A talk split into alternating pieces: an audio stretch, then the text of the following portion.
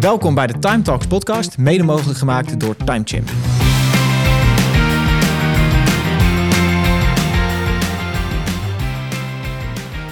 Nou, uh, Marcel, goedemorgen. Goedemorgen. Uh, wat vet dat je er bent bij onze Time Talks podcast. Leuk om er te zijn. Awesome. Uh, zou je jezelf eens voor kunnen stellen? Dat kan ik. Um, nou, ik ben Marcel, ben 47 jaar, getrouwd met Ankie. We hebben drie kids. Ties, Lise, Siem. 14, el, nee, 14, 13 en 11 jaar oud. Hopelijk gaan ze dit nooit uh, horen. en uh, wij wonen met z'n vijfjes uh, in, in Lexmond. Al een jaar of 11, 12 met nou, heel veel plezier. Ja. Awesome. En wat voor werk doe je precies? Um, ja, we hadden het hier van tevoren even over. Dat, dat noem je dan ondernemer uh, zijn. Maar ik heb, uh, in, uh, ik heb ooit de studie bedrijfseconomie gedaan. Vijf jaar gewerkt voor een financieel consultancykantoor. En daarna in 2007 samen met de compagnon Solid Professionals opgericht. daar is de Hub uit ontstaan. de Hub is een holding van verschillende bedrijven. Waar de rode draad zakelijke dienstverlening, arbeidsbemiddeling, consultancy is. En wat vreemde eenden in de bijt. Zo zijn we betrokken bij uh, drie kleine cafés in Utrecht, bijvoorbeeld. Oh, dus ja, dat is zeker heel leuk. En als een, dan ben je een beetje een consultant, mag ik dat zeggen? Of is dat, is dat gevaarlijk? Een, nee, is niet gevaarlijk. Maar ik wil met. Ik, ehm, nee, ik denk dat ik dat zelf niet ben. Misschien in mijn eigen organisatie voor de verschillende bedrijven. Mhm.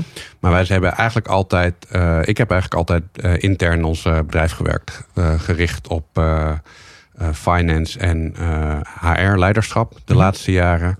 Ja, in het begin, uh, dat weet je als ondernemer, doe je alles. Hè. Dan zit je smiddags met je belangrijke klanten te praten... terwijl je ochtends uh, de boodschappen bij de Albert Heijn doet voor de lunch. ja. Uh, maar. Ja, ja toch? ja, maar nou, ik heb net een aantal jaar in een van onze investeringen als COO gewerkt. Zo noemen ze dat daar met een duur woord. Een manetje van alles spreekt mij beter aan. Maar dat is wat ik meestal doe in bedrijven. De binnenkant organiseren. Oh, wat vet. Dus, uh, ja. En wat betekent, dat is een hele lastige vraag, maar ik vraag hem aan iedereen. Wat betekent tijd voor jou dan? Die, die had ik natuurlijk wel gezien in uh, jouw ja. voorbereiding. Nice. En ik, nou, ik heb er geen goed antwoord op. Het, is, het deed me even denken aan dat tijd zoveel verschillende dimensies heeft. Het is ehm, iets wat net in de auto naar voren kwam toen ik wel even zat na te denken. Dus is het is binnenkort tien jaar geleden dat mijn moeder is overleden. Nou, dat, is, dat voorbij gevlogen.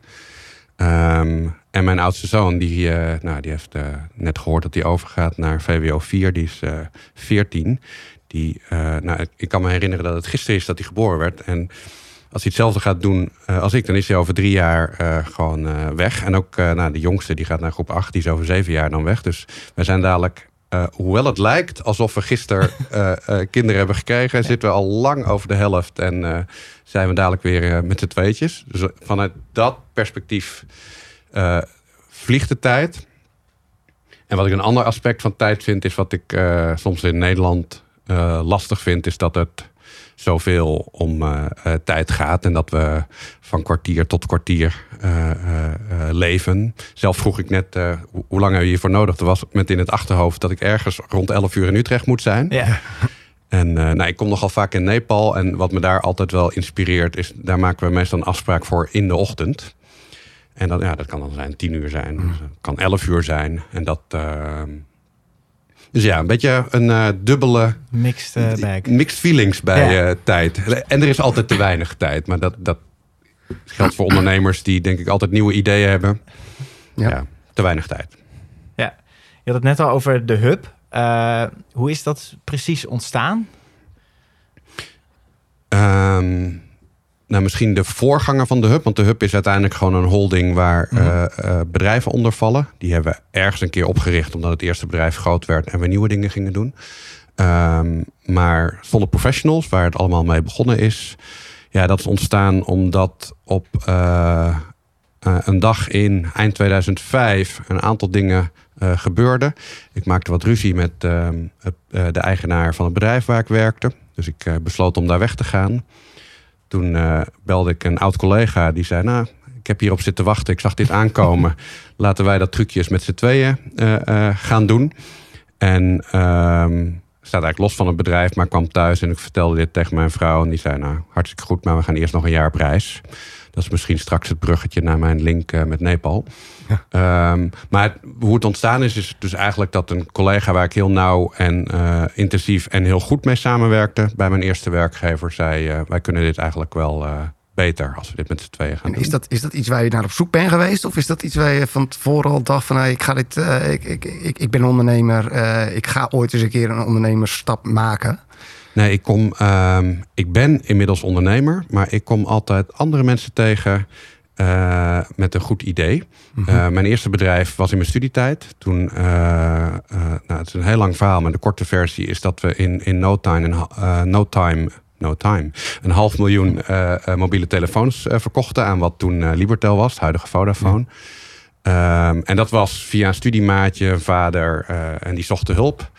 En dus ook het begin van Solo Professionals is dan niet mijn idee. Nee. Maar nou, ik haak wel heel makkelijk aan. Dus ja. ik heb daar geen.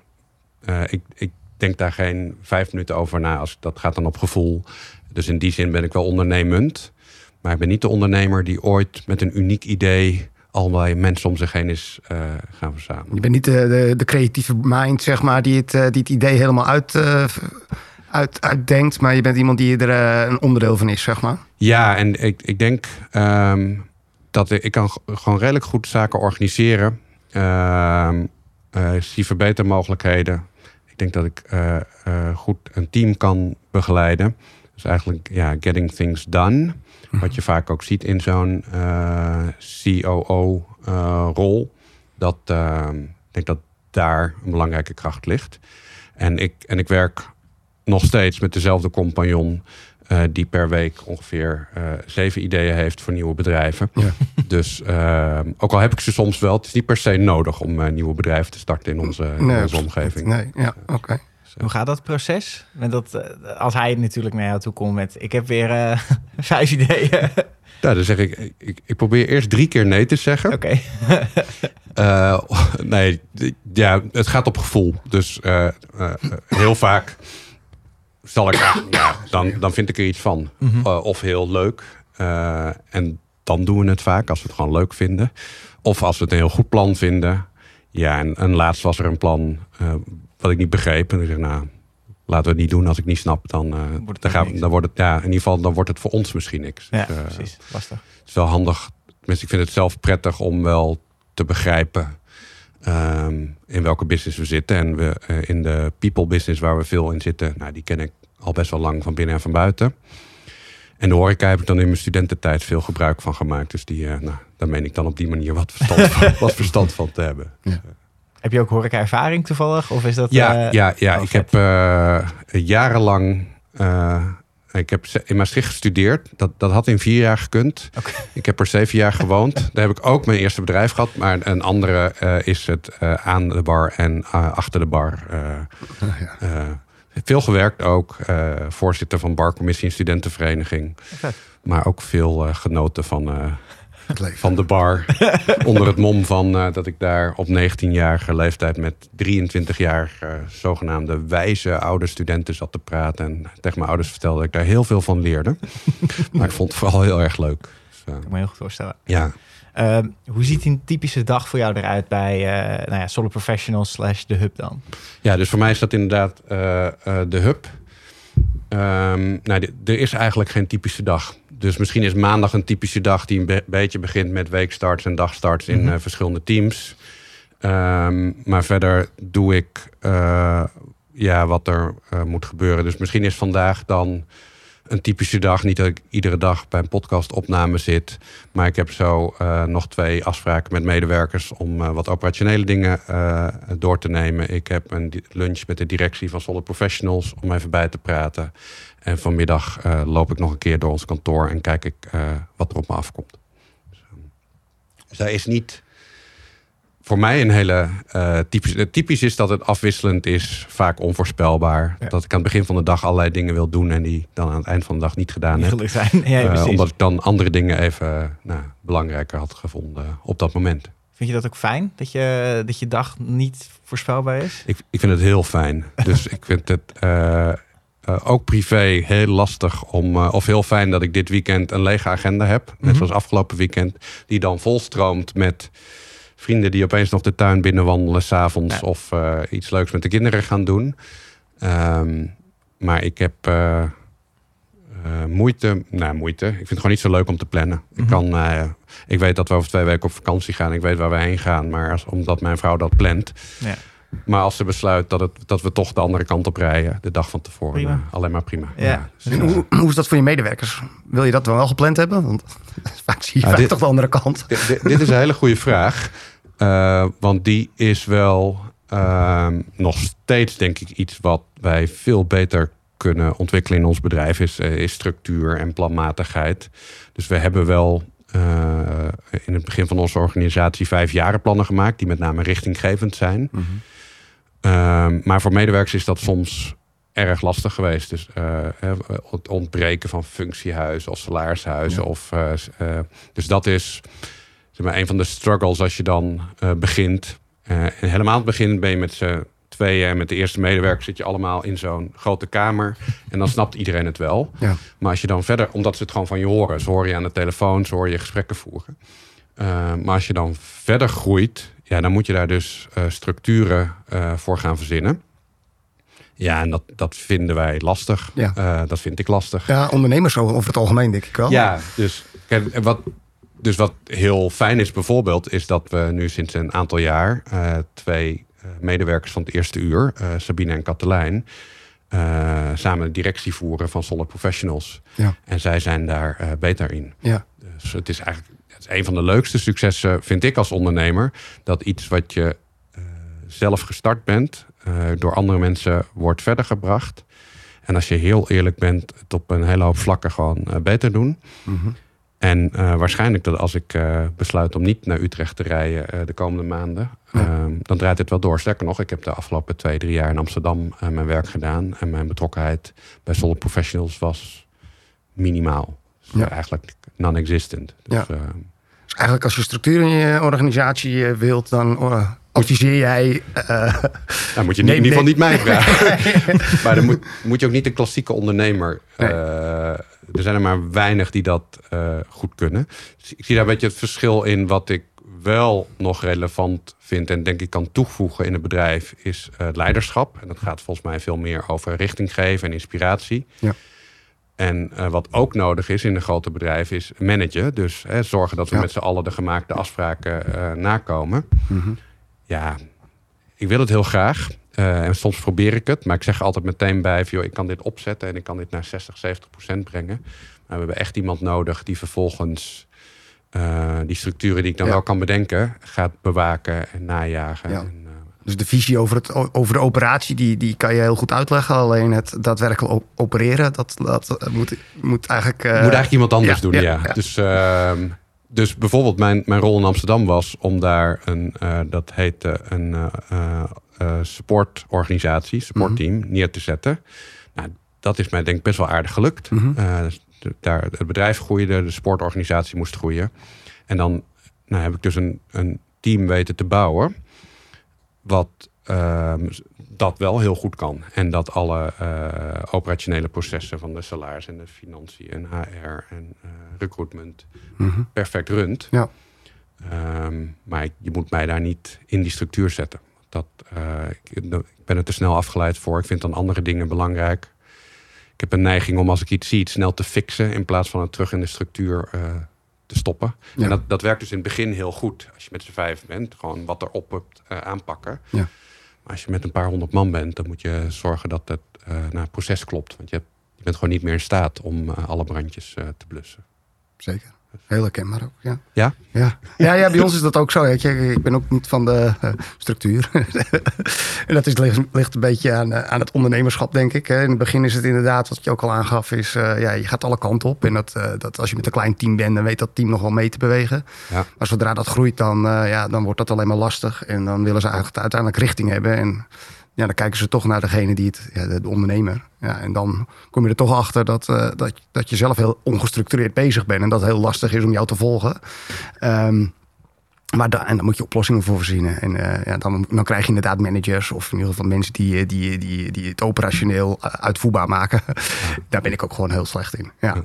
Ja, dus ja, interessant. Dan even te denken, ik, eigenlijk zou ik er nog het- wat je het liefste wil, is gewoon heel duidelijk maken eh, wat je van mensen verwacht. Ja. Want dan heb je uiteindelijk die managers ook weer niet nodig om dat eh, te controleren. Maar dat is natuurlijk best wel lastig. Ja. Ehm, ja, en je kan nog zeggen voor sales leg je een target op, maar dan op welke manier doen mensen dat? Dus ehm, ja, uiteindelijk heb je dat management toch nodig, hoe groter die structuur wordt. Ja. Maar ik zie er ook heel veel grote bedrijven aan, eh, nou, ik wil niet zeggen ten onder gaan, maar waar je hele middelmanagementlagen hebben, die volgens mij heel weinig. eh, Ja, nee, toevoegen. absoluut. Ja, je kan ook natuurlijk, het gaat meer over de verantwoording naar elkaar afleggen, denk ik ook. Van oké, wat doe ik, wat, wat doe jij? Eh, eh, en dat, dat de taken goed verdeeld zijn. En Ja. dat iedereen zijn verantwoordelijkheid daarin heeft. Ja. Je ziet natuurlijk tegenwoordig ook allerlei structuren, dat er geen managers zijn, et cetera. Maar uiteindelijk blijft het wel hetzelfde. Dat het eigenlijk gewoon wel verantwoordelijkheid naar elkaar afdragen is. En dat er een bepaald verantwoordelijkheidsgevoel je moet is. iemand ergens op kunnen aanspreken. Dus, Ja, eh, of dat nou de directie is of iemand anders, maar eh, ja. Ja. Eens? Ik wil natuurlijk niet managen om het managen. Nee, Dat, dan krijg je op een gegeven moment die... die- Nou, dat zie je dus wat op een gegeven moment ook bij beginnende managers eh, eh, gaat gebeuren. Dan dat ze opeens heel druk worden met managen. En ja, als, je- als je met ze in gesprek gaat over wat ze dan de hele dag doen, ze het zelf eigenlijk ook niet zo heel goed weten. Maar ehm, dus ja, daar moet je ze goed in begeleiden. En dat, nou, dat vergeten wij ook wel eens. absoluut. Ben je bepaalde uitdagingen tegengekomen bij het destijds opzetten van de hub slash solid professionals? Na het opzetten eigenlijk niet. Maar ja, misschien 101. Maar die, dat heb ik niet, als ik daar aan terugdenk, zo ervaren. Het zit er met name, waar we net al even aan raakten, in die fase daarna. Waar je bepaalde dingen eh, expliciet, expliciet moet gaan maken die er impliciet al waren. Dus ik denk dat bij ons een belangrijk voorbeeld eh, onze cultuur is. Hoe we met mensen willen omgaan. Hoe we met elkaar willen omgaan, met klanten, met de wereld. En ehm, ja, weer wat ik net zei, als je met z'n allen in één kamer zit, dan is dat wel helder. Eh, wij hebben daar wel echt een uitdaging gehad en uiteindelijk ook een oplossing gevonden door te gaan werken met eh, een eh, leiderschapsfilosofie. Die heet Secure Base, Secure Base organisatie. waar iedereen inmiddels in ons bedrijf in begeleid, opgeleid, getraind wordt. Omdat dat dan een instrumentarium ook biedt over wat eigenlijk al impliciet in Wim en mijzelf, Lucette is de vrouw van Wim, we zijn met z'n drieën, eh, inmiddels in het bedrijf als eh, eigenaren, eh, hoe wij altijd al met elkaar werkten. Eh, maar daar hebben we dan een soort taal ontwikkeld, gevonden, eh, die ons helpt om die cultuur heel expliciet ook te maken naar iedereen die bij ons eh, eh, komt werken. Dat neem je dan mee door het hele onboardingproces al van nieuwe werknemers? Of is dat... Ja, ik zou hopen van wel, maar ik- weet het niet zeker Oh, eh, of het er op dit moment onderdeel van is. Maar we hebben een eh, met eh, de School voor Transitie heette ze een vijfjarige, eh, vijfjarig trainingsprogramma ontwikkeld. Dus iedereen die bij ons begint, start nou, in zo'n juniorgroep en doorloopt vijf jaar van best wel intensieve trainingen gericht op persoonlijk leiderschap. Maar daar komt een hele hoop in naar voren wat wij belangrijk vinden in onze cultuur. Eh, het gaat over eh, dialoogvoering, over conflicten niet uit de weg eh, gaan, over eh, goed verbinding maken eh, met mensen. Nou, en dat, dat, dat proberen we iedereen mee te geven. mhm. En dat, eh, nou, dat brengt best wel veel. Dus dat is, eh, ja, dat is een waardevol onderdeel van eh, wat we op dit moment doen binnen de hub. Wat is het eh, beste advies wat je ooit hebt gekregen op het gebied van het managen van je tijd en je, je productiviteit of iets in die richting? Heb je, heeft iemand je ooit advies in die richting gegeven? Of, Dus deze stond niet in de lijst met voorbereidende vragen, of wel? nee, Het beste advies. Nou, vind ik nu even lastig zonder in clichés te vervallen van, mag, van, je, mag van een je. cliché zijn. Ja, kijk, Sommige wat, clichés hebben een kern van waarheid. nou, wat, wat, wat mij tegenwoordig goed helpt, is eh, eh, op eh, mijn telefoon en mijn desktop kleine lijstjes bijhouden van dingen die ik moet doen. En daar probeer ik dat probeer ik niet alleen, dat lukt me. Twee, drie keer per week kort aandacht aan te besteden. Om weer even weg te strepen wat ik gedaan heb. En naar voren te, te halen wat ik vind dat ik moet doen. En ehm, dat zorgt er, dat geeft aan mij, dat helpt mij om prioriteiten nou, goed te blijven eh, ehm, beoordelen. Ja, Ehm, te stellen. Ja. ja, te stellen, dankjewel. Dus door. En door niks te vergeten, want soms zijn kleine dingen. Uh, gisteren uh, zei iemand, Marcel, we zouden nog dat teamuitje organiseren. Nou, dat kan ik vergeten, maar dat staat nu op mijn klapblokje. Dan kan ik vandaag besluiten dat andere dingen belangrijker zijn. Om daar even een datum voor te, te organiseren. Maar dat gaat dus wel in de komende weken uh, dan gebeuren. Ja. Dus um, ja, voor mij is het heel simpel. Wat vroeger een klapblokje was. Ja, ja en is nu op je telefoon of uh, op je desktop. Maar ja. dat, uh, het heet nog steeds klapblok. Dus ik, gebruik het gewoon ja, ook als klapblok. Uh, ja. ja. Een to-do-lijstje eigenlijk gewoon van hey, dit moet ik nog doen. En je bepaalt zelf uh, om door ernaar te kijken wat op dat moment prioriteit heeft. Ja, wat mij zelf heel goed bevalt is, uh, ik kan best wel lekker vroeg opstaan. Ik zit niet al te wekker, maar ik was vanmorgen om half zes uh, wakker. Ja. En om dan met een kop koffie even dit soort dingen te doen achter ja. mijn laptop. Dan geeft me heel veel rust. Ook fijn dat als ik een vraag stel, dat ik niet meteen een reactie heb. Ja. Dus ja, aan de randen van de dag even de dingen doen waar je je werk organiseren geeft heel veel rust gedurende uh, de dag. Snap ik. Plannen dus. Ja. Nice. Um, we hadden het net al even, tenminste, je gaf al een goed bruggetje aan. Maar uh, je doet ook vrijwilligerswerk uh, in Nepal. Ja. Kan je daar wat meer over vertellen? Ik kan er uren over praten. maar um, vlak voordat ik met mijn bedrijf begon, ben ik dus een jaar op reis geweest. Mm -hmm. en, en halverwege hadden wij de behoefte om niet iedere dag van hostel naar hostel te trekken, maar ergens wat langer te zijn. En we hadden onszelf voorgenomen vrijwilligerswerk te gaan doen. We zaten toen in Tibet. We zijn gaan googlen. We kwamen erachter dat onder Tibet Nepal lag. En hebben daar een week of zeven in een opvanghuis voor een weeshuis voor kinderen vrijwilligerswerk gedaan. En toen mijn, mijn vrouw hield een, een soort blog bij. En op een gegeven moment maakte mijn moeder maakte wat geld over van joh, ga eens wat leuks doen met die kinderen. En daar schreven we weer een blog over.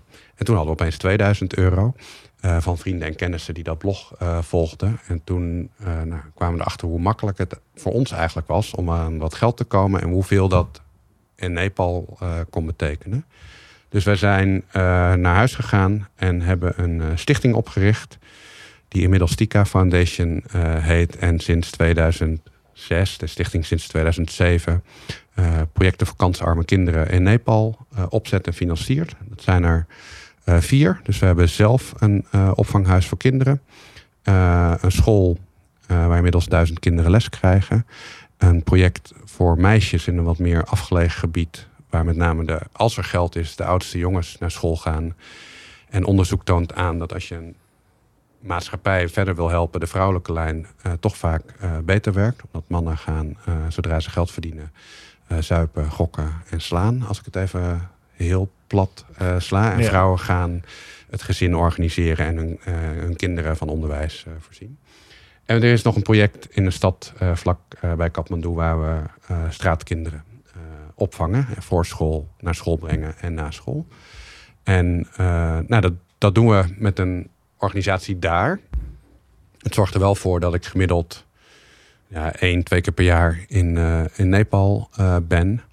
En nou, het brengt mij uh, heel veel inspiratie. Toevallig de laatste maand hebben we twee prachtige voorbeelden van kinderen die ik in 2006 ontmoet heb. Die toen denk zes, zeven, acht jaar oud waren. In dat weeshuis zaten waar wij vrijwilligerswerk deden. Die later in ons opvanghuis terecht zijn gekomen. Nou, één jongen heeft jaren geleden een studiebeurs geregeld voor de filmacademie in uh, Barcelona. Daar heeft hij een maand geleden een prijs gewonnen met een documentaire over hoe hij als weesje naar Kathmandu is gebracht. Dus hij gaat terug naar het dorp waar hij vandaan komt. Die documentaire die is nu ingediend hier bij ITVA in Amsterdam, Rotterdam. Ja. In ieder geval Internationaal Documentaire Festival.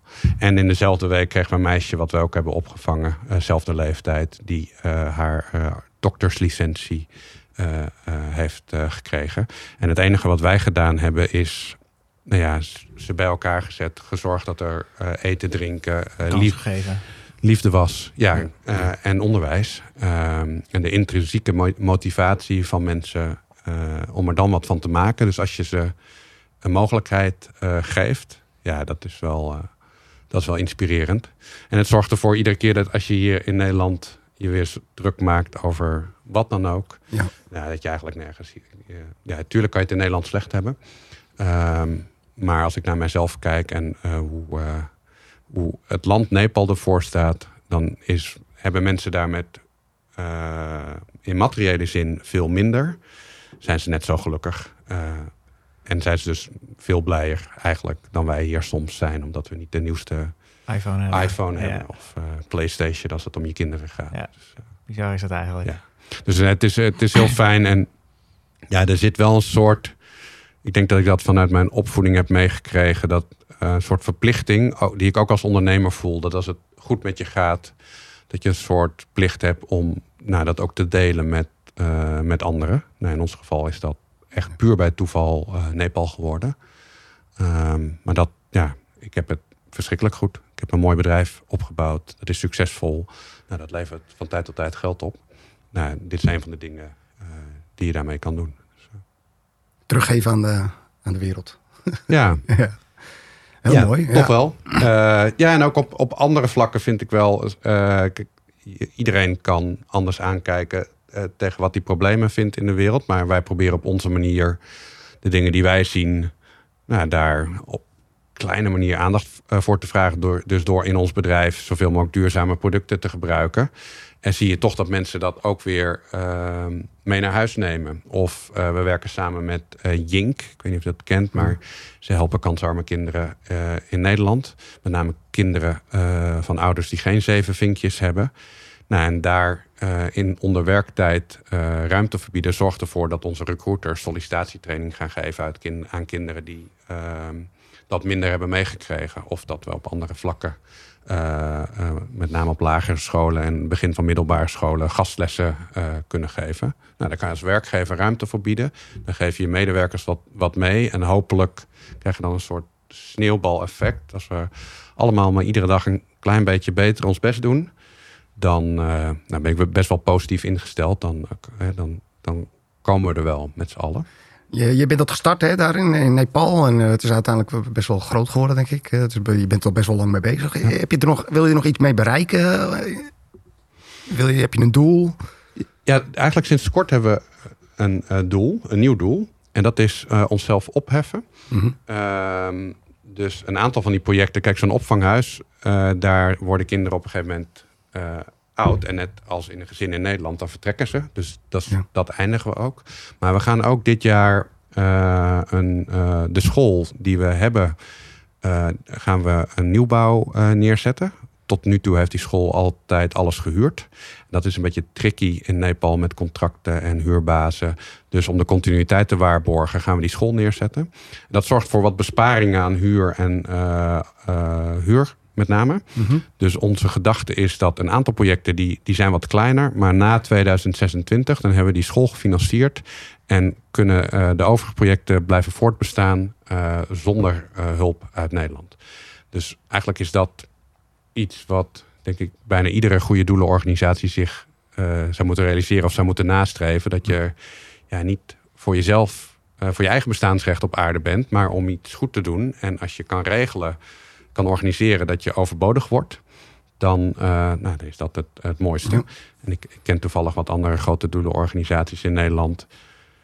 Niet heel goed, maar ik, ik krijg wat mee van tijd tot tijd. Die zijn, heb ik vaak het idee, bezig met zichzelf in stand houden. Ja. Eh, overigens werken daar heel veel mensen met hele goede bedoelingen. Maar is vaak de structuur of het systeem waarin ze terechtgekomen zijn, werkt niet meer. Nee. Dus, nee, dus, dus dat is het doel. Onszelf overbodig maken. En dan 2026 met een groot feest in Nepal eh, eh, met z'n allen ehm, nou, dat afsluiten. En inmiddels eh, ben ik daar dus sinds 2006 in contact met onze lokale projectdirecteur. Dat, dat zijn ook hele goede vrienden geworden. Dus ik zal het land, ik zal nog steeds wel jaarlijks blijven Ja. bezoeken. Alleen dan Ja. kan ik het geen werk meer noemen, maar dan wordt het vakantie. Ja, Dus, oh, ook, ook wel lekker. ja. dus het is een prachtig Ja, vakantieland. absoluut, Dus, absoluut. Ja, heel mooi. En pas je nog lessen toe die je daar hebt geleerd eh, op jouw ondernemerschap hier? Nou, dat soms ehm, eh, structuur kan dienend zijn, maar Nepal is niet zo van de structuur. Dus soms kan gewoon het even dingen op zijn beloop laten, kan ook werken. Het is niet, ik vind het een goede vraag. Ik doe, ik doe dit denk ik niet bewust. Maar onbewust kom ik wel iedere keer weer terug. En heeft Nepal mij de tijd gegeven om nou, weer even af te remmen. te zien dat het niet zo spannend is als iemand vijf minuten te laat voor een meeting komt. Dat vind ik nog wel eens irritant, maar ja. het is allemaal niet zo belangrijk. Dus ehm, ik doe dat niet bewust, denk ik. Maar wat het me misschien in algemene zin wel geeft, en dat geldt wat mij betreft ook voor reizen. We zijn in de gelukkige omstandigheid dat we uh, veel hebben kunnen reizen. En het zorgt dus ook voor dat mijn kinderen zien dat uh, wat zij, waar zij opgroeien in Lexmond niet per se normaal is. Ja, dat is voor hun normaal. Maar ga ergens anders heen en daar hebben mensen ook hun uh, normaal.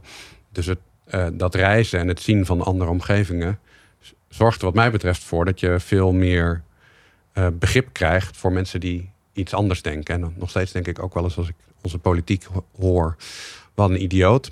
Ja. Maar tegelijkertijd, iedereen komt ergens vandaan en heeft vanuit dat perspectief vaak een heel normaal denkbeeld. Je moet je alleen ja, de moeite nemen om je te zien te verplaatsen in dat andere perspectief. Zeker.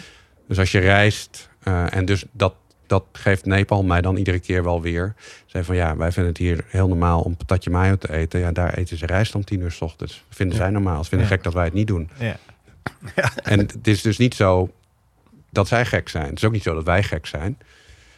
Uh, maar dat is dus, ja, je hele omgeving zorgt ervoor dat je bepaalde dingen normaal gaat vinden. Daar af en toe uitstappen is uh, misschien wel een goede les.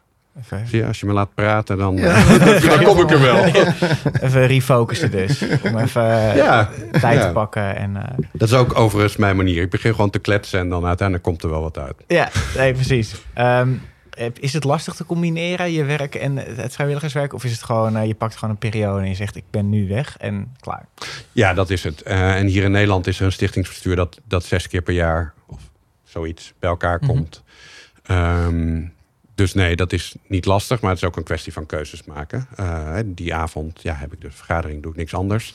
En um, mensen vragen mij wel eens of ik, uh, waarom ik niet wintersport. Want mensen die mij kennen zouden denken dat wintersporten best wel goed bij mij past. Met de combinatie van de après-ski en het sportief buiten, uh, buiten zijn. Dat, dat, vinden ze bij mij passen. Ja.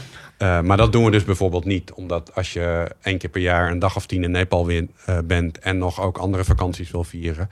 en je bedrijf af en toe nog wil runnen... Ja. Dan, dan gaat dat dus niet. Dus dat soort, maar dat is, ja, dat is geen opgave. Dat is een kwestie van keuzes maken. En Nepal, ja, dat, dat voelt nooit als werk. Uh, daarheen gaan. Dus iedere keer weer een vakantie. En natuurlijk hebben we dan projectevaluaties en bezoeken we alles. Maar het is ook een mooi land om gewoon te zijn. Ja, je bent ook even niet verbonden met je werk thuis. Ja, dat was de eerste keer dat ik er was, moesten we een kwartiertje wandelen voor een internetcafé. Dat is inmiddels wel ook uh, anders daar. Dus het is niet zo heel moeilijk om verbonden te blijven en met, uh, met thuis. Ik zou zelfs mijn uren kunnen registreren als ik dat, hey. uh, als, als ik dat zou doen. Ja, ja, ja.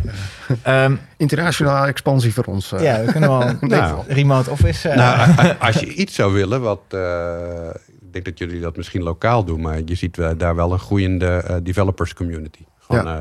er zit een Nederlands IT-bedrijf al heel lang. Ik ken ze niet goed, maar waarvan ik weet dat ze veel van hun werk gewoon in Kathmandu laten doen en, en een kantoor hier in Nederland hebben. Ja. Oh, ja. Dat is natuurlijk ook gewoon prima. We hebben ook wat remote uh, developers zitten. Het, het, het, is natuurlijk gewoon, de baan leent zich heel erg natuurlijk aan het remote zijn. Ja, dat, dat ja. is gewoon natuurlijk en, dat, en natuurlijk heeft COVID mensen als mijzelf geholpen om te zien dat het wel allemaal makkelijk remote kan. En ik had hè, dat, dat Teams, dat zat al uh, tien jaar op mijn laptop, denk ik. Ja. Ik had alleen ja. nog nooit geopend. ja. En opeens bleek dat ik het ook kon, zeg maar, binnen, binnen vijf minuten. Ja, absoluut. Nee. nee het is inderdaad, het zijn ook alweer, biedt ook weer kansen natuurlijk. Uh, en uh, de developers zijn natuurlijk ook wel gewoon ja, heel structuurgericht. Dus die, uh, die, uh, die hebben een goede meetingstructuur vanuit een. vanuit, vanuit, vanuit hun leerling al, al meegekregen. En ja, dat, dat werkt gewoon heel goed ook met externe. Ja. En die gaan gewoon mee in de sprints. En ja, dat werkt heel goed. Dus ja, of dat nou in Neupal zit of uh, We kunnen vaak heel goed individueel uh, werken. Gewoon uh, koptelefoon op. En, zeker, zeker. En doen wat doen. ze moeten doen. Ja, ja. ja absoluut. Ja, ja. Eh, zie jij nog eh, interessante trends en ontwikkelingen rond eh, het consultancy gebeuren? Consultancy gebeuren. Uh, consultancy werk. Nee, maar het is, omdat je het zo zegt, het is zo'n container ja. begrip. Dat wat, je, wat je misschien ziet is dat alles en iedereen zich tegenwoordig consultant noemt. Dus ik, ik zou zelfs al niet weten uh, wat het is. Want volgens mij eh, meer in de traditionele zin, de echte adviseur is vaak iemand geweest die ergens heel veel ervaring in had en daar nou, advies over kon geven. Tegenwoordig zijn, worden consultancykantoren ook heel veel ingehuurd voor iets waar een bedrijf gewoon even geen tijd of capaciteit voor heeft, echt bewust voor kiest om het uh, te beleggen. Dus het ontwikkelen van een strategie of een nieuwe rapportage of een nieuw salaris, whatever. Um, dus de, de, de, grote trend zou zijn, denk ik, dat mensen er, dat bedrijven er steeds vaker uh, en meer gebruik van maken. En ook steeds kleinere organisaties gewoon helemaal niet terugschrikken van uh, 10, 20, 50.000 euro investeren aan iets wat ze niet uh, in huis hebben. Um, het is wel, volgens mij, je ziet wat, wat trends dat waar vroeger iedereen voor de Big Four wilde werken. Je, de, de jongere generatie uh, gaat andere dingen belangrijker vinden. Dus niet per se meer de auto uh, en het salaris, maar werk-privé-balans, een goed duurzaamheidsbeleid. Dat zit er meer aan de arbeidsmarktkant. Mm -hmm. Dus ja, ik vind het lastig om die hele markt even kort samen ja. te vatten. Ja. en, en hij groeit volgens mij in de voor ons in ieder geval. En natuurlijk zijn er conjuncturele dipjes, omdat er ergens even paniek bij een, in een markt uitbreekt. Ja. Maar in de, in de 16 jaar dat we bezig zijn, is die markt groeiende. Wat voor, wat voor kennis brengen jullie bij, eh, bij, jullie, eh, bij jullie opdrachtgevers bij? Ja, het ligt een klein beetje aan natuurlijk welk bedrijf. Maar ik denk wat het grootste uh, uh, businessmodel is, is dat we werken met young professionals. Mm -hmm. Um, die wij uh, werven en selecteren voor onze klanten, die hun werk uh, bij, de, uh, bij onze klanten doen en daar ook na twee of drie jaar in dienst treden. Mm -hmm. En met name het laten landen van deze mensen in een groot bedrijf. ze opleiden, we zorgen inhoudelijke opleiding, maar belangrijker nog, we begeleiden ze in wat ze daar van dag tot dag tegenkomen. Dus ze hebben een, wat we talentmanager noemen die heel frequent met deze mensen rond de tafel zit. En dat, ja, dat gaat om alles van ik, ik weet niet, mijn manager heeft geen tijd voor me of ik wil, ja. ik vind dat lastig. Mm -hmm. uh, ik moet dat gesprek voeren met die collega, maar uh, die gaat dat uit de weg. Um, dus daardoor zie je dat we dat heel erg geven aan de medewerkerkant. En we zien dus ook aan, dat dat aan de klantzijde vaak ontbreekt. Dus dat we steeds vaker gevraagd worden om ja, hoe doen jullie dat nou? Ja. Uh, omdat we een aantal jaar geleden wel een trend zagen dat mensen heel tevreden dat Young Professional programma van ons door, doorliepen. En dan bij onze klant in dienst uh, traden en in het jaar daarna uh, weggingen. Okay. Waardoor onze klant zei, ja, is het nou? Hebben jullie twee jaar lang betaald en nu is Jantje of Pietje verdwenen. maar daar zijn we het gesprek over aangaan. En heel vaak bleek gewoon dat ja, op de dag dat wij de medewerker overging naar onze klant, mm. ook alle begeleiding wegviel. Omdat we zitten veel in de finance omgeving. Dat is een beetje generaliserend, maar de gemiddelde finance manager is geen people manager. Nee.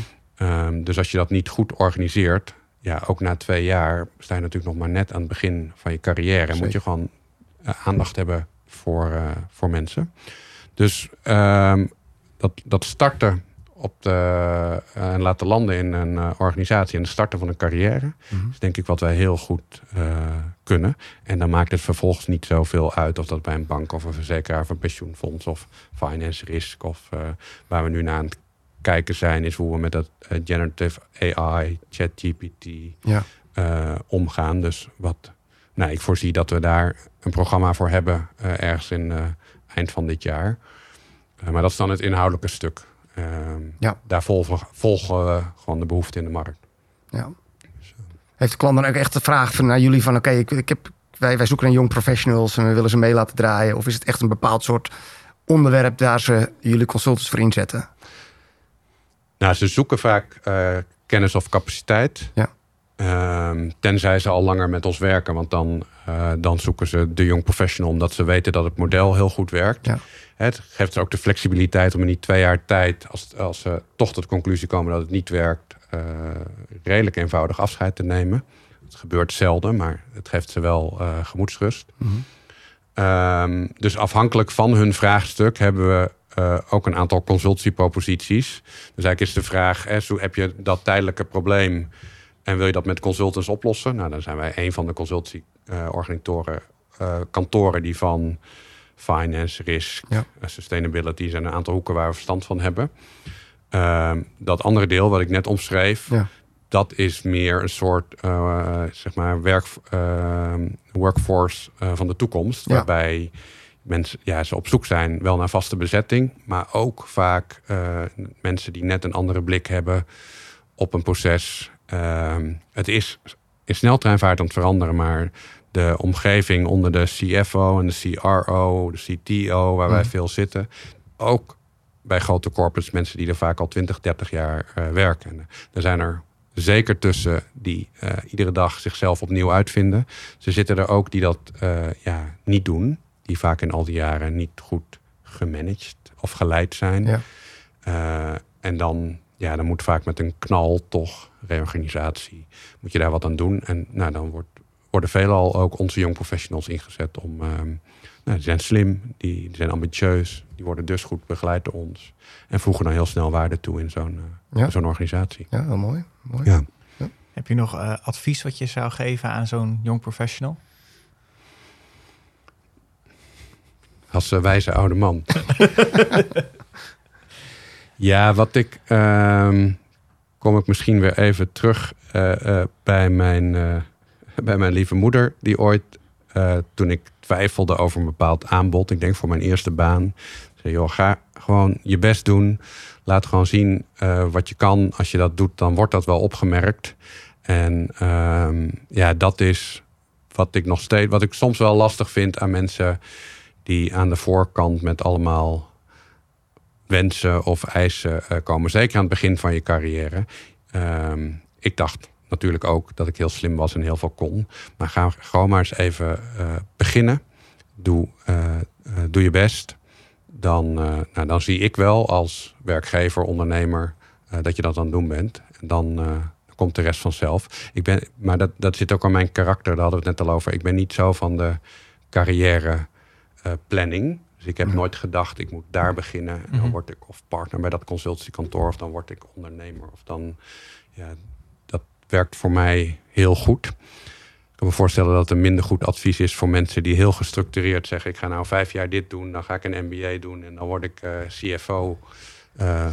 dat- nou, die zijn er ook. En, dat, Ja. en ik zie ze het ook doen overigens. En ik heb daar ook heel veel respect voor. Maar voor mij is, ehm, doe gewoon je best. Vet. En dan geloof ik dat... eh, dat eh, Komt de rest vanzelf al. nou, en dan, dan zie jij dat ook. Als, als je mensen in je team hebt die gewoon ehm, nou, dingen voor elkaar krijgen. Zie je dat veranderen tegenwoordig? Want je hebt het, we hebben het erover en ik zie dat zelf ook. Des te, des te jonger de medewerker, des te meer het eh, al heel gericht is naar van... oké, ik wil binnen dit jaar dat bereiken, zoveel jaar dat bereiken. Zie, jij dat, zie je dat veranderen? Want ik ben ook meer van, oké, weet je, we gaan maar ergens aan de gang en eh, doe je best. En dan kom je er vanzelf wel, zeg Ja. maar. Eh, maar ik zie tegenwoordig al van, ja, dan komen we met een heel eisenpakket binnen. Ehm, en willen ook binnen, binnen zoveel jaar iets bereiken. Zie je dat veranderen ook bij jou? Nou, ik denk dat dat misschien altijd wel eh, geweest is. Wat, wat ik wel zie veranderen, is dat er meer mensen zijn die andere dingen belangrijk vinden dan carrière maken. Ja. Dus deze mensen zijn er ook nog. Ja. Ehm, maar wat je in mijn tijd eh, niet mee hoefde aan te komen, is: ik vind het wel fijn om 32 uur in de week te werken. Ja, nou ja, dat. Nou, dat, dat zien we, dat maken we dus nu wel mee. Ja. En, eh, en dat is wel een struggle, want ene moment denk je, joh, doe even normaal. Je begint net, ga gewoon lekker werken. Ja, tegelijkertijd eh, de lange termijn zor- vooruitzichten zijn dat we te weinig mensen hebben in Nederland om te kunnen werken. Ja. Dus ik kan als werkgever daar wel heel erg ouderwets in blijven, maar Ja. dat brengt me ook niet verder. Dus zit hem, eh, de verandering is denk ik dat, dat mensen anders naar werk kijken. En ook een steeds grotere groep. En eigenlijk is dat er voor zeg maar, de, de maatschappij en goede ontwikkeling meer dingen belangrijk vindt dan alleen salaris. Dus ook dat ze impact hebben en wat dat dan ook is uh, uh, voor die persoon. Dus daar probeer je als, moet je als organisatie denk ik in mee, want anders ben je over, ja, word je irrelevant. Zeker. Neem je dat ook mee in je cultuur? Dat je dus als je, dat je je bedrijf ook neerzet van we willen impact maken, we willen goede dingen doen, we willen goede dingen neerzetten. Ja, dus ik denk, misschien ga je hem zo nog stellen. Maar een van de vragen die je, uh, uh, die, die je volgens mij, uh, die we in de voorbespreking even hadden, hè, hoe zie je dat over een aantal jaar? Ja. Um, dus dit gaat geleidelijk. Wat ik in persoonlijk mooi zou vinden, is als we bij bedrijven die we nu nieuw beginnen, of in onze bestaande bedrijven, in ieder geval altijd even nagaan welke impact dat heeft op de wereld. En dat die dan uh, positief is. Dus uh, ik zou nu niet een bedrijf beginnen wat ja, ergens in de hoek van de oude economie zit, wat iets met uh, benzine of elektriciteitsverbruik. Ja. Dus, ja. dus dat, dat neem ik mee. En zeg maar hoe de maatschappij verandert en wat je medewerkers belangrijk vindt. Ik denk dat we dat wel gedaan hebben. We hebben een verschrikkelijk mooi kantoor waar mensen met een gym en de pingpongtafel en de lunch en uh, de, de huiskamersfeer. Dat hebben we altijd wel uh, voor elkaar gebokst. Dus daar, daar zijn we nog wel oké, okay, denk ik. Maar met name uh, dat we gaan nadenken en dus over vijf jaar kunnen zeggen... nou, we hebben een aantal initiatieven gestart. Die maken ergens op een pos positieve manier impact. En dan impact in de duurzaamheidszin. Ik geloof dat we nu heel veel impact maken op de young professionals... en het begin van hun carrière en hoe zij onze klanten helpen. Maar ik zou daar nog wel iets willen opschuiven naar, naar maatschappelijk verantwoord ondernemen. Overigens is het bedrijf al uh, sinds 2007 sponsor van die Tika Foundation. Dus okay. een belangrijk onderdeel uh, van dat als het je goed gaat, uh, dan doe je goed. een deel van de opbrengst is altijd daarheen gegaan. Okay. Dus op die manier doen we dat ook. Zeker. Awesome. Dan heb je ook eigenlijk mijn vraag gewoon beantwoord. hoe zie je dat over vijf jaar? Ja, nou ja. Nou, dus hoe, zeg maar, ik kan het dus niet heel erg uittekenen. Uh, we zullen vast binnenkort weer eens, dat doen we één keer in de zoveel jaar, maken we een vijfjaren plan. Mm -hmm. dat, zit, dat zit dan in bepaalde contouren van omvang en uh, markten. En wat wel leuk is, is dat soms kijken we ernaar terug en dan hebben we twee dingen niet gerealiseerd, maar vier dingen ook wel gerealiseerd. Dus je maar een beetje wel een stip op de muur zet. Van of we wel of niet willen groeien, of dat wel of niet internationaal is. Dan, uh, dan zie je dat niet morgen veranderen. Maar als je dan vijf jaar later een keer terugkijkt, denk je shit. Is toch gewoon uh, gelukt. wel gelukt. Ja. En daar is het niet gelukt, maar op vier dingen of vijf dingen is het wel gelukt. Zeker. Je laat je leiden door je winst, niet je verliezen. Dan. Ik dacht dat je het even over geld ging nee, hebben. Nee, nee. Maar, kom, zeg maar, rendabel is ook ja, belangrijk. Nee, maar, maar, de bedrijven die wel goed gaan en die wel lukken. Ja, en je probeert natuurlijk, je ziet ook wel, uh, je, je draagt mee wat er niet goed is gegaan. Dus daar hoop je dan uh, van te leren. Je les ook ja. uit te pakken. En, en nou, soms is, moet je dat een paar keer uh, je, je, je, hoofd stoten. Maar... Soms moet je ook wel fouten maken om iets goed te doen, toch? Zeker, ja. leer alleen maar. Nou, sterker nog, je leert alleen maar van fouten ja. maken. Dus dat is wat weer in de kern van die secure-based filosofie zit. Dat is dat je een veilige omgeving creëert... waar vandaan mensen nieuwe dingen proberen. Nou, als je nieuwe dingen probeert, dan gaat het af en toe mis. Ja. Uh, maar dan uiteindelijk gaan er ook dingen goed en heb je weer wat nieuws geleerd. Absoluut. Dat, uh, ja, dat is de enige manier. Ja, ja, zeker. Heb jij nog vragen aan Fred of aan mij of aan ons die je toevallig in je hoofd opkwamen? Zaken die je toe wil voegen? Zaken die je toe wil voegen? nou, nou, wat ik. Uh, ik zou. Ik wil het gesprek wel even overnemen. Maar, dus ik hoef niks toe te voegen. Maar ik zou dan wel nieuwsgierig zijn naar wat jouw belangrijkste ondernemers les is geweest in de afgelopen jaar? Uh, ik denk ook wel geduld. dus inderdaad, ga maar iets beginnen. En uh, kijk, doelen stellen is heel belangrijk. En plannen is ook heel belangrijk. Alleen het loopt toch altijd anders dan dat, dan dat je het van tevoren had bedacht. ja. um, en het kan je ook gewoon heel erg onrustig maken wanneer je een bepaald doel in, in je hoofd hebt en op niet zo loopt zoals jij dat zou willen. Nou, dan loop je zelf voorbij. Ik vind het ook heel knap wat medewerkers tegenwoordig doen. Dus dat is ook echt uh, ik kom uit de tijd inderdaad gewoon 40 uur werken en het liefst nog meer. En nu is 32 uur uh, is, uh, is, al heel, is al heel wat. Ik heb dat in het begin altijd wel gedacht van, nou ja, weet je, dat komt er bij mij nooit in. Maar ik ben toch ook wel weer die, die turnaround aan het maken. Want ik begrijp het nu wel heel erg, weet je. Ik heb drie kinderen ook. Eh, ik vind het heel belangrijk om daar tijd aan te geven. Ik vind, eh, eh, mijn doelen zijn niet meer het belangrijkste. Dus des te ouder je wordt, is het gewoon van, oké, heb geduld. Op een gegeven moment lukt wel iets als je er maar gewoon tijd in steekt. En als je er maar gewoon effort in steekt. Uh, maar ga, maak het niet het allerbelangrijkste van wat er is. Want dan loop je jezelf voorbij, denk ik. En uh, ja, ik denk dat dat bij mijn grootste levensles is geweest. want dat voorbij lopen, dat doe je best wel snel. En vooral als ondernemer. Uh, omdat je natuurlijk, je bent als ondernemer ook wel iets begonnen. Je hebt een bepaalde ambitie, je hebt een bepaalde drive. Ja. En dat maakt je waar je nu staat, denk ik. En, maar dat kan ook de andere kant op slaan. En daar moet je dan heel voorzichtig mee zijn. En ik denk dat, ja, dat, dat je daar als ondernemer, en vooral in die eerste paar jaar tijd, als we, voor mij tijd, de tijd vliegt inderdaad. En, uh, maar ook uh, ja, verlies, je, verlies je jezelf wel eens in die tijd. Dus op een gegeven moment waren wij wel eens 80 uur in de week aan het werk. Ja, is dat nodig? Weet je? En let daarop. En misschien, ik, ik, uh, zet misschien wel eens een wekker van oké, okay, nou is het klaar. Weet je? En sluit het af en ga wat anders doen. Ja. Ehm, ik denk dat dat mijn grootste levensles is geweest. Um, maar weet je, ik weet niet of dat een les is voor de, voor de, voor de generatie van nu. Want die denken al heel anders. Dus, nou, ik heb wat... wat um die 80 uur, uh, daar is mijn les eigenlijk van die 80 uur is het probleem niet. Als je maar met de dingen uh, bezig bent die uh, in lijn zijn met waar je voor staat. Ja. dat kan je roeping noemen of passie of talent. Ja. want dan is het, ik bedoel, ik vind ook niet dat mijn weekend te lang duurt. Want dan ben ik allemaal dingen aan het doen die ik leuk vind. En dat kan ook werk zijn. Ja.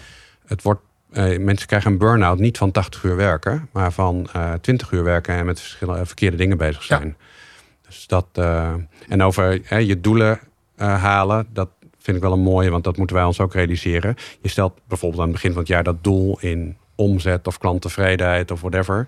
En als dat doel 10 was en het is 9,8, dan heb je het doel niet gehaald. Ja. Als je even een stapje terugzet, dan zijn de om, omstandigheden misschien wel veranderd, waardoor die 9,8 fantastisch is. Of ja, ja. ook als je dat doel niet had gehad, dan is waar je vandaag de dag bent heel mooi. Nee. Dus uh, nee, die, uh, ja, die neem ik ook mee. Dat is een. Uh, ja, herken ik heel erg. Ja, hebben wij.